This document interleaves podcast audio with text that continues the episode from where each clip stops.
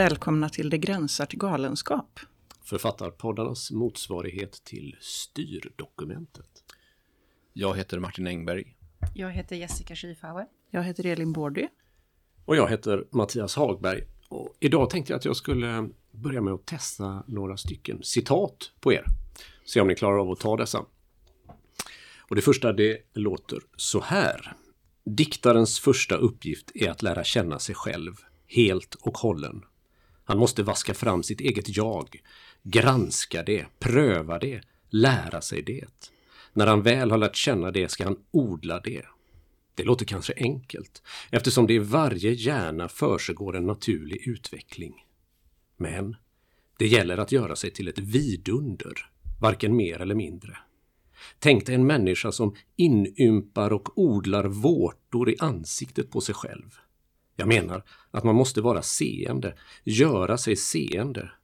Diktaren gör sig seende genom en långvarig, allomfattande och medveten sinnesrubbning.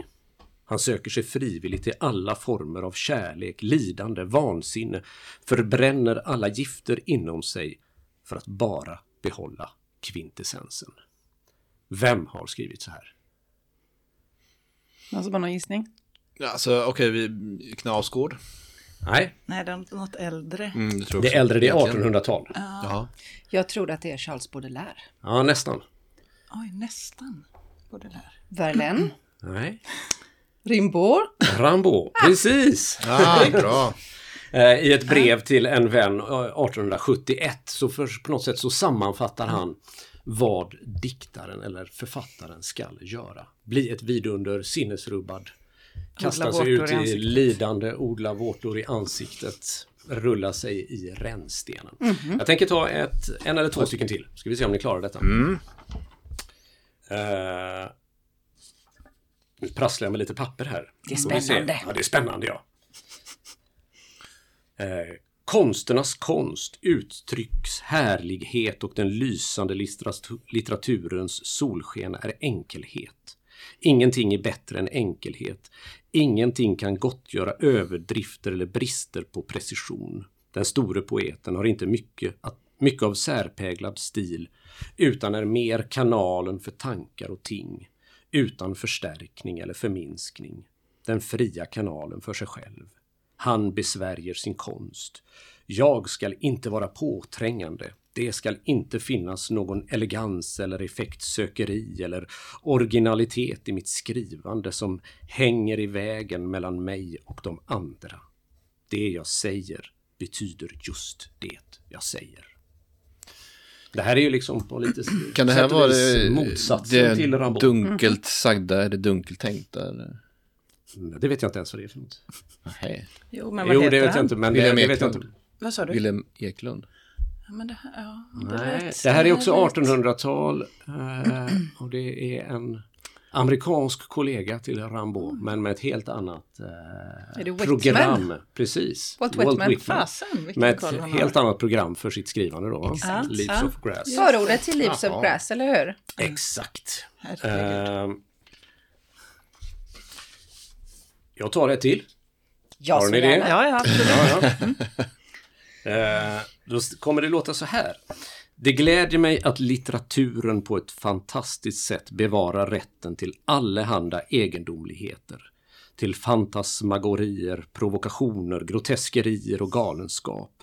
Jag drömmer om höga blickpunkter och breda perspektiv, där kontexten vida överskrider det förväntade. Jag drömmer om ett språk som förmår att uttrycka de dunklaste intuitioner. Jag drömmer om en metafor som överbrygger kulturella skillnader och sist, men inte minst, om ett slags berättelse som rymmer mycket, överskrider gränser och samtidigt älskas av läsarna. Jag drömmer också om ett nytt slags berättare i fjärde person. Och som en ledtråd kan jag säga att det här är väldigt, det här är väldigt samtida. Det här är sagt 2018. Man skulle kunna tro att detta var 1800-tal också. Ja, Men det här är 2018. Vem kan detta vara? I fjärde person. Den fjärde dimensionen, det blir nästan meta, metafysiskt. Om de andra två var män så är det här en Nej, kvinna. jag vågar inte gissa mer. Vänta. Eh, ehm, det är en nobelpristagare. Är det Olga? Det är Olga Tokarczuk. Mm. Som har någon sorts idé om att man ska skriva i fjärde person. Vad det nu är för någonting. Det kan man ju. Underbart. Eh, Okej, den sista. Mm. Låt oss nu diskutera diktkonsten som helhet. Dess olika arter och dess olika verkningssätt. Ja, ni skrattar ni. Får jag ta om det bara för det? Låt oss nu diskutera diktkonsten som helhet, dess olika arter och dess olika verkningssätt. Vidare hur handlingen bör konstrueras för att kompositionen ska bli konstnärligt tillfredsställande. Hur många grundelement diktkonsten består av. Dess avbryta dig där? natur, Är det liksom alla andra hithörande frågor. Exakt.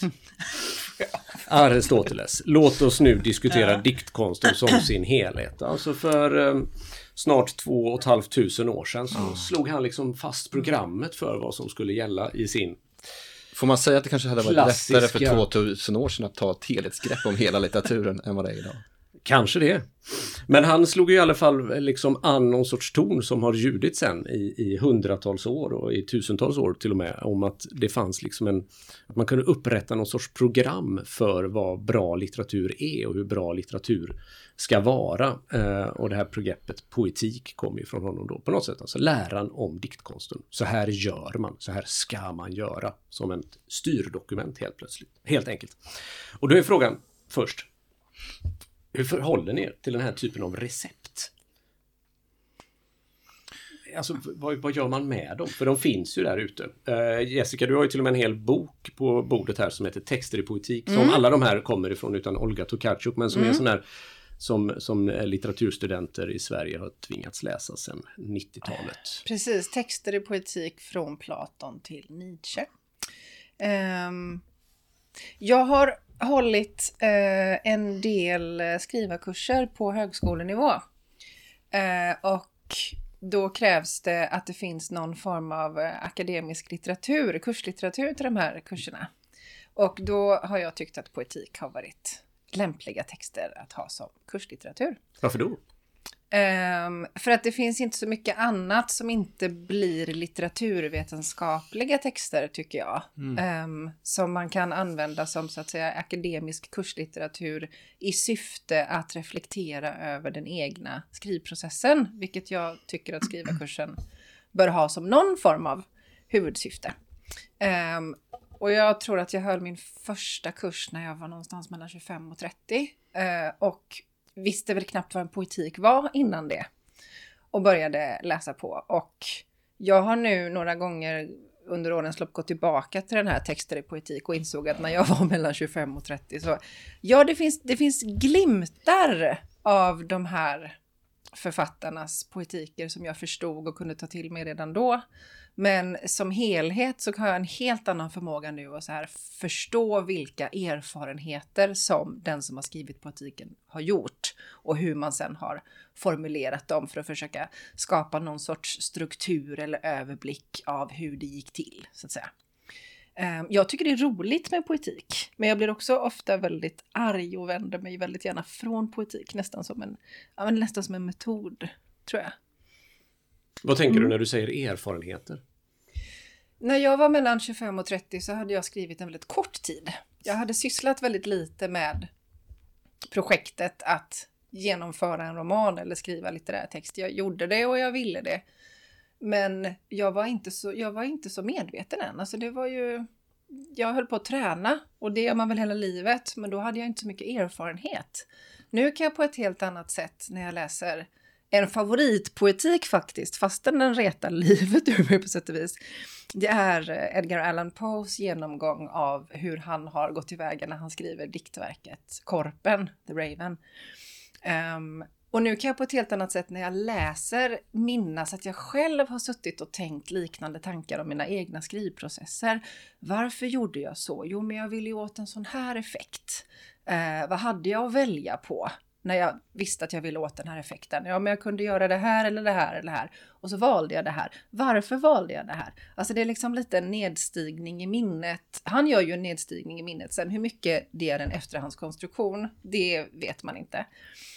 Um, men jag kan på något annat, helt annat sätt nu känna att jag har också varit i de situationerna som Edgar Allan Poe beskriver.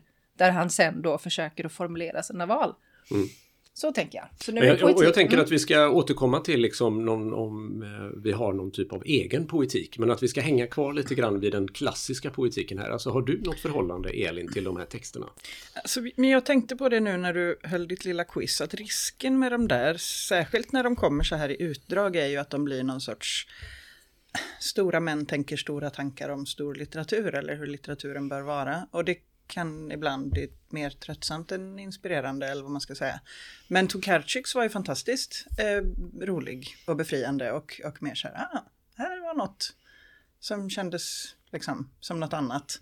Eh, och kanske inte heller så mycket så här gör jag, utan så här skulle jag vilja att det var. Mm. Eh, men nej, jag har nog ingen sån där som jag förhåller mig till. Plockar fram och, och tänker att det här, så här ska det vara. Mm. Nej, det kan jag inte Martin? säga. Eh, nej, men jag tyckte att det var kul att höra de här citaten och jag tänker att det är så man eh, kan använda dem. Att liksom få ett tillfälle att kliva upp ur den där lilla gropen när man sitter och gräver i dagligen och liksom få lite mer perspektiv. Ja, men vad är det vi håller på med då liksom? Eh, och, och då är den här typen av texter ganska nu satt vi och skrattade lite grann för att det var, en del var väldigt bombastiska, men det är också ganska härligt att eh, höra tankar där någon liksom verkligen går all in och liksom har väldigt storslagna visioner för vad litteraturen skulle kunna vara. Så kan man liksom känna så här, ja men skärp dig. eh, också va. Eh, och sen, jag har gjort några seriösa försök att liksom plugga in Aristoteles för jag tänker att det, det är bra att ha, ha det i botten, men eh, han är för träig alltså. Jag har liksom svårt att relatera till den texten liksom. Ehm, Det är ju lite distanserat också från, Ja. från oss. Även om, om det liksom var handboken fram till åtminstone 1700-talet. eh, För hur man borde skriva. Men eh, alltså det, det här, nu har vi pratat om poetik som, som ett recept, liksom, styrdokument. Så här ska man göra. Men idag så är ju det här ett modord verkligen, poetik, som används i alla möjliga olika sammanhang. Man kan eh, prata om arkitekturens poetik och allt möjligt. Liksom. Platsens poetik och sånt. Men om vi, om vi stannar kvar i vårt eget lilla fält. Så kan man ju, eh, idag använder man ofta det här ordet som, som inte så här ska man göra utan så här gör jag. Det här försöker jag åstadkomma och jag försöker göra det på det här sättet. Och Olga Tokachos text är ju egentligen inte ett recept på hur andra ska göra utan det är ju lite grann hennes, hennes manual för sig själv. Det här vill jag åstadkomma. Hon har någon sorts dröm om, en, om att hon ska lyckas kanske göra en ny typ av litteratur som på något sätt talar från en annan punkt, en, en fjärde person. Eh, vad tänker ni där? Har ni liksom tankar om här, när ni skriver att det här vill jag åstadkomma och så här gör jag? Martin? Oj. Eh, alltså, jag tyckte det var kul med det här programmet för att eh, det här är verkligen någonting som jag inte har, form eller sitter och formulerar dagligdags eller kanske aldrig formulerar. Så att eh, jag var ju tvungen att tänka efter lite grann. Och det är ju förstås så att jag, menar, jag ägnar mig åt en praktik och det jag liksom strävar efter vissa saker som verkligen eh, ja, men, och hur de ska sägas är en del av, av det här, den här praktiken, tänker jag. Liksom. Och så försökte jag tänka igenom, men vad är det då som jag försöker göra, liksom, som du sa. Eh, och ja, men, en, en sak som är grundläggande viktigt för mig är liksom att språket och liksom arbetet med språket. Och att, um, och det är lite svårt att formulera vad, vad det är jag försöker åt, komma åt när jag håller på med språket. Men jag skriver liksom ett försök att få fram ett språk som inte är givet på förhand, brukar jag tänka. Även om meningarna kanske liksom, när de väl kommer ut kan se lite så här alldagliga ut för andra så ska det finnas liksom någon sorts rörelse i det där. Eh, och det är ju väldigt svårt att definiera och det kan också se väldigt olika ut från verk till verk. Så. Men sen tänker jag också på att jag skriver ju berättande prosa. Eh, och då ska ju saker och ting eh, hända liksom. Eh, gubbar och gummor ska röra på sig och reagera på saker och ting. Och någon gång ska det finnas en sorts intrig eller i alla fall berättelse i det där liksom. Och den processen har, eh, handlar ju väldigt mycket, insåg jag nu när jag började tänka efter, om att försöka krossa liksom, konstruktionen. Alltså för att det hela tiden tenderar att uppstå liksom, en konstruktion som är ja, kanske den lätta vägen på något sätt att liksom, eh, få saker och ting att röra sig från punkt A till B. Liksom. Men de där bågarna blir oftast liksom, Ja, men på ett sätt så blir de ju logiska, men de blir liksom spända på fel sätt. Jag vill liksom att, att de här rörelserna ska komma liksom mycket mer inifrån eh, texten. Liksom. Så att jag har oftast någon sån här bild av att saker ska krossas när jag, när jag liksom sitter och skriver. Så här, liksom krossa is eller krossa glas. Det är, ingen det är ingen logisk metafor, men, men jag försöker tänka efter, ja, men vad betyder den där metaforen som inte riktigt går ihop? Och, men det har att göra med att jag behöver liksom attackera den där konstruktionen som hela tiden eh, tenderar att uppstå. Och den kan ju förstås också uppstå i, i språket. Liksom. Så det där är, um, är den ansträngning jag försöker göra när jag skriver. Liksom. Um, sen är, liksom, eh, det andra saker som är viktiga när jag skriver. Att, jag menar, att texten hela tiden talar liksom inifrån den värld som skrivs fram. Uh, den ska liksom inte vara beroende av yttervärlden alltså vad som händer just nu. Eh, eller, ja, då tänker jag att det inte riktigt är fiktion eh, på det sätt som jag vill skriva den. Liksom. Jag är inte så intresserad av autofiktion till exempel, eller skriva min biografi eller så. Ja, men lite sådana saker. Så jag blev lite vad... nästan sugen på att fortsätta formulera detta. Men, ja, vad spännande. För, för, för jag menar, vi har ju pratat mycket om, om skrivande både här och i andra sammanhang och sådana saker. Men just det här krossandet har jag aldrig hört dig benämna på det Nej, sättet men tidigare. Men nu, nu form... känner jag igen väldigt mycket av det när jag tänker på saker jag, du har läst. Till exempel din senaste roman. Ja. Det liksom finns en sån rörelse i texten där som just handlar om att både hur du arbetar med språket men också hur du arbetar med liksom intrigen om man ska kalla det så. Ja, men är, detta, är det någonting du har tänkt? Ja, men alltså, Ordet, det här har det varit med dig eller har det kommit Nej, nu? det kom nu för att jag var tvungen att formulera det, så det var väldigt bra. Intressant. för då förstår jag lite bättre om vad det, vad det är jag försöker göra. Och, och jag tänker att det är på det här sättet man kan använda det här fenomenet poetik också på. Att man faktiskt fattar någonting av vad man håller på med. Jessica, eller Elin tänkte jag först på. Ja, alltså nej, oj, ja, det var jätteroligt att höra Martin, jättefint. Um, nej, men jag tänkte på det när jag förberedde mig för det här uh, avsnittet och som vanligt stod framför min bokhylla och stirrade på den. Um, att jag, men jag läser ju gärna böcker om att skriva, författares reflektioner kring sitt skrivande och det kan man väl se som poetik. Alltså det finns ju en, ibland flyter gränsen mellan handböcker i skrivande och en poetik ihop kan man säga. Um, och jag tycker ju om att läsa sådana böcker, kanske hellre sådana som är mer, vad ska man säga, som en berättelse, än sådana som är korta, kärnfulla, små aforismer kring skrivandet. Då tycker jag bättre om liksom Annie Dillards ganska knasiga, det är allt från liksom, att hugga ved i en stuga i skogen till hur hon faktiskt gör när hon skriver. Och vad heter den absolut en nu poetik som heter Det skrivande livet. Um, men jag tänkte på det nu att det som jag oftast tar till mig, där jag sätter mina små bokmärken och lappar och stryker under och gör utropstecken i marginalerna, handlar ofta om samma sak. Det handlar om att, som jag hittade faktiskt i Pia Taftrups Över mm. vattnet mm. går jag, skiss till en poetik, eh, där hon skriver precis i början eh, att eh, nej, ja, nu hittade jag det inte bara för det. Eh, jag har det på mitt papper. Att det är en förutsättning att under lång tid kunna stå ut med osäkerhet och tvivel. Och jag känner igen de här ställena i böckerna som jag markerar att de handlar om samma sak. De handlar om hur man rör sig framåt i skrivandet fast jag inte vet att det kommer att hålla hela vägen. Mm. Om ni förstår vad jag menar. Um, jag har ett, ett ledord som jag ofta upprepar till mig själv när jag sitter och skriver om mina texter. Uh, som är, det ger sig. Ah, hur ska jag göra med det här och det här? Hur ska jag? Ah, det ger sig. Och det låter ju lite fånigt men det betyder ju, nej men det, det kommer till mig längre fram i mm. processen. Jag skriver mig fram till det. Eh, och Anne Lamotte som har skrivit den här fantastiska Bird by Bird, Some Instructions on Writing and Life. Eh, hon pratar mycket om shitty first draft. Ett dåligt första utkast, få ner det på papper. Eh, och det tror jag jag sa till dig häromveckan när vi satt och skrev och du frågade lite så här, ah, hur har det gått idag? Ja, jag har i alla fall skrivit text som jag kanske kan stryka sen. alltså, man måste bara skriva orden. Och jättemånga av de här eh, sakerna som tilltalar mig i författares poetik handlar om det där, den där osäkerheten, den där rörelsen framåt, att bara göra det. Eh, men, men jag har inte formulerat min egen mer än men har, har, du formulerat för dig själv eller har du några tankar om vart du vill komma liksom? Vart du är på väg? Vad, vad, vad är... Alltså inte, Vad syftar romanerna till? Inte så fint som, som Martin. Och jag, jag vet inte om jag, om jag har någon en sån helhets... Sån djup förberedelse har jag faktiskt inte gjort för det här avsnittet. Nu känner jag mig lite dum för det. Ehm, Det ska men- man aldrig göra. Nej, men jag kan inte, nej, jag, jag har jättesvårt att säga om jag har en så att säga. Jag kan, ju, jag kan ju mer tydligt känna vart jag vill med varje, alltså med, med varje projekt. Och det är ju liksom den där visionen av vad det skulle kunna bli, det där verket, den där stämningen, den där vaga bilden, den där. Och dit strävar jag och det ligger långt framför mig, men jag kan skriva mig fram till något som kanske på, kommer att påminna om det åtminstone.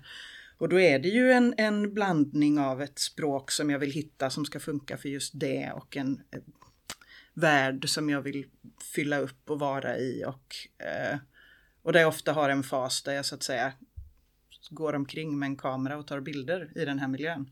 Så de första skisserna är ofta nästan som små polaroidbilder och sen så får man fördjupa och gräva och gräva, gräva den där lilla gropen som du sa Martin.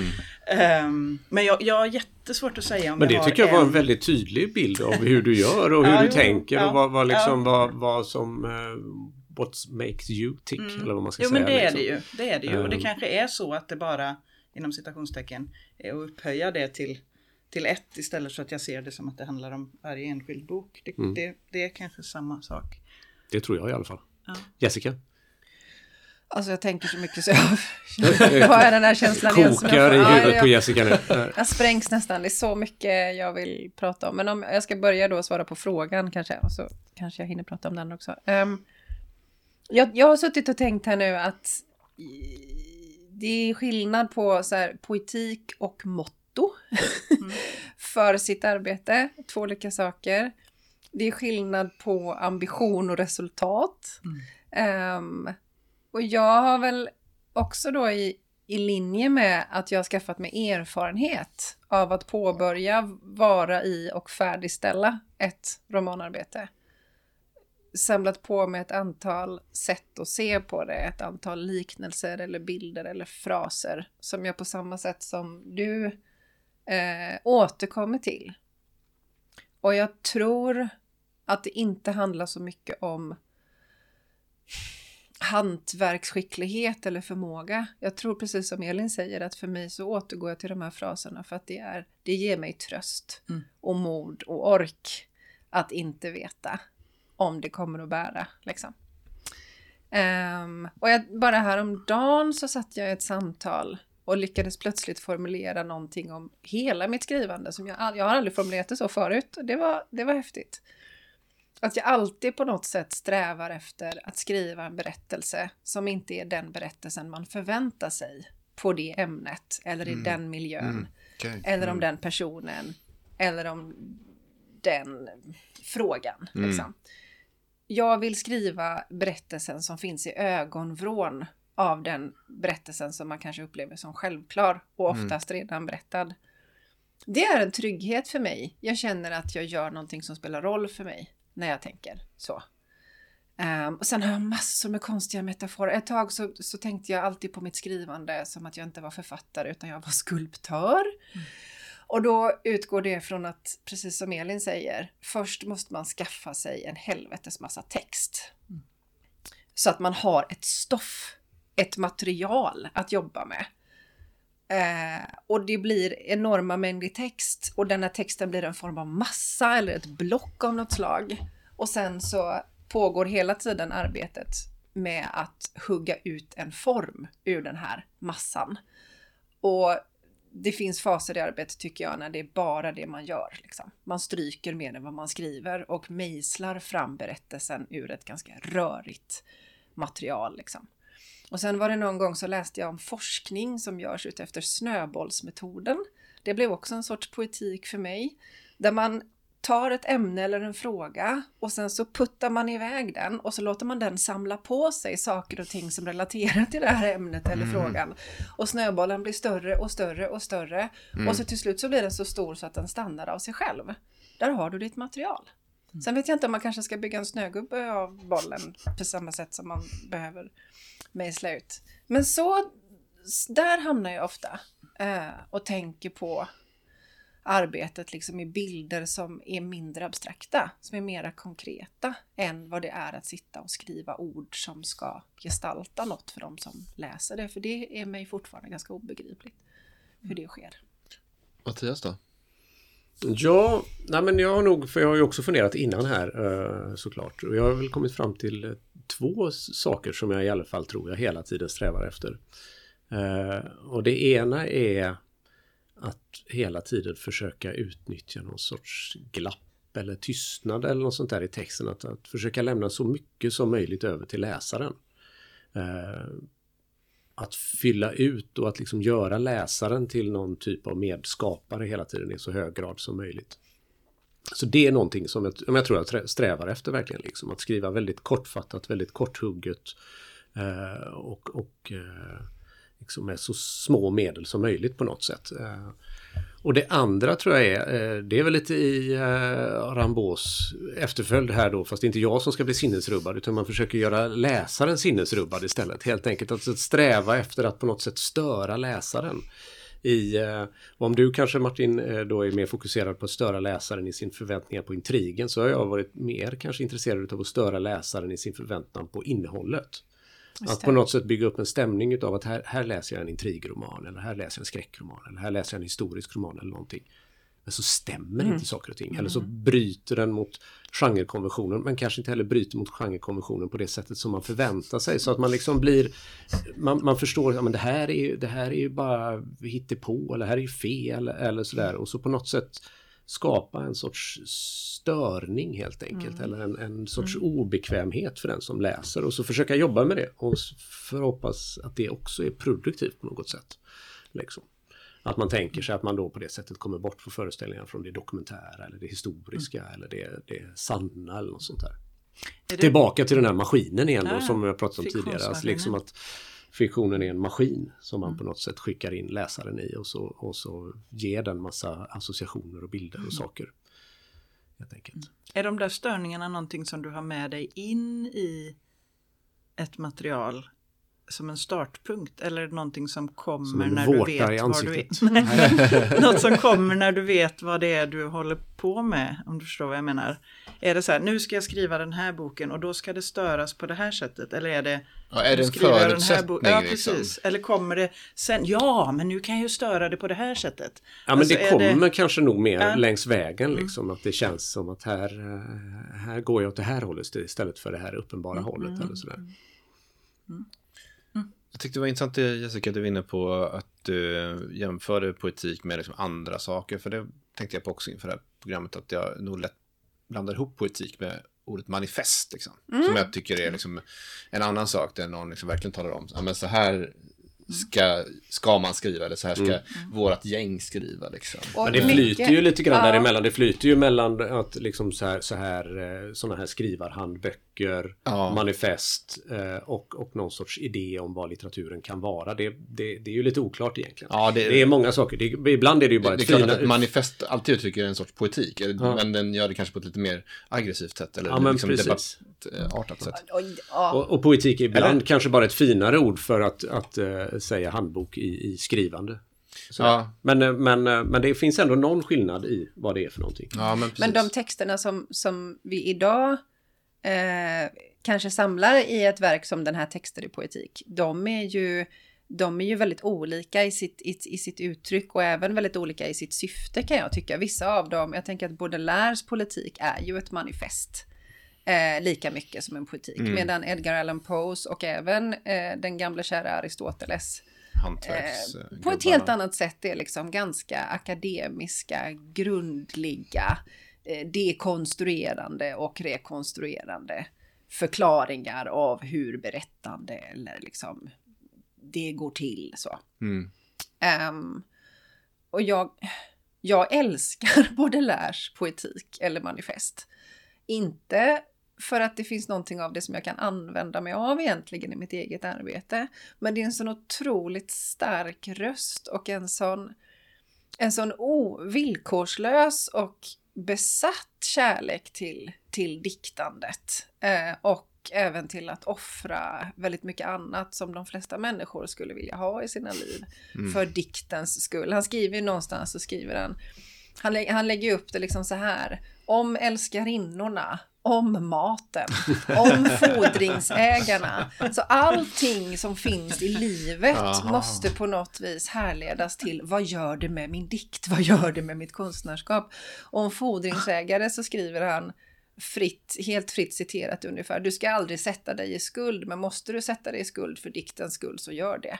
Alltså det är liksom, det finns, det finns liksom någon, någon integritet där som jag, jag blir ju kanske mer intresserad av Baudelaire som människa genom att läsa de texterna, men jag blir också lite stärkt liksom att man, att man kan vara så knasig eller så annorlunda och göra det med en hög medvetenhet för att jag ska skriva dikt och då behöver jag plantera in vårtor i mitt eget ansikte. Är det inte så att Rimbaud typ är Baudelaires lärjung? Alltså de var väl ganska, nu jag vet inte om jag blandar ihop det. Eh, nej men de är ju hyfsat samtida. Ja. Men eh, först om Baudelaire och sen Rimbaud. Och Ja. Rimbaud är ju liksom det här unga geniet som bränner ut sig innan han är 16 eller 20 eller vad det är. Och sen så Precis. försvinner han ut i världen och, och hamnar i Marocko och på alla möjliga olika ställen. Och skriver egentligen, officiellt i alla fall, ingenting mer. Och det relaterar ju till ett annat avsnitt som handlar om hur farligt det är att vara författare. För den här, själv, den här självförbrännande, besatta, passionerade Jo, det rösten ju inte, som finns i de här poetikerna. det är ju inte bara också någonting- snack när han säger att han ska rulla sig i rällstenen här. Liksom. Nej. Ehm, Mm. Men sen Men- är det ju också många poetiker som, som jag kan uppleva som väldigt akademiska på samma sätt som de äldre poetikerna. På samma sätt som om man läser de äldre filosoferna i original. Så är det en väldigt, väldigt omständlig text som också hela tiden arbetar för att komma fram till ett allmängiltigt sant resultat. Därför, av detta lär vi oss att vi ska skriva så här och så här, för då blir det så här. Och det är ju helt fel, tänker jag. Det måste man ju, det måste man ju se igenom som konstnär eller som författare. Det finns ju ingen som kan tala om för någon annan, gör du så här så blir det så här. Ehm, och det tycker jag väl också på sätt och vis lite trösterikt. Vad tycker ni? Vad tänker ni? Jag, jag tänkte också lite vidare eh, ute med det spåret eh, utifrån poetik idag, just det här med att, ja men, eh, du lägger också fram det som att, ja men hur ser era poetiker ut, liksom att det är väldigt individbaserat liksom i vår samtida litteratursyn liksom. Och det är väldigt typiskt för liksom väst, eh, västs litteratur liksom. För- det, det finns ju andra litteraturer som till exempel den arabiska, när man kommer i kontakt med den så har man en känsla av att, ja vänta nu, här är det någonting helt annat. Här finns det liksom en övergripande poetik som jag menar, du måste underkasta sig för att det ska anses vara bra, eh, bra dikt. Och då är den liksom mycket mer formaliserad och liksom, det är den du mäter dig mot. Inte att du har ett originellt uttryck kanske, utan känslan är att jag vet inte hur det är egentligen, men känslan är att ja, men det här är litteratur som aldrig liksom har gått, genomgått modernismen på det sätt som, i alla fall inte på det sätt som har skett i väst. Liksom. Eh, och då, det är litteratur som, som jag märker att jag har väldigt svårt att relatera till. För att värdena ligger någon helt annanstans än, än, vad jag är van vid, till exempel. Eh, och då slår det mig att, ja men, här finns ju ett ämne för en doktorsavhandling.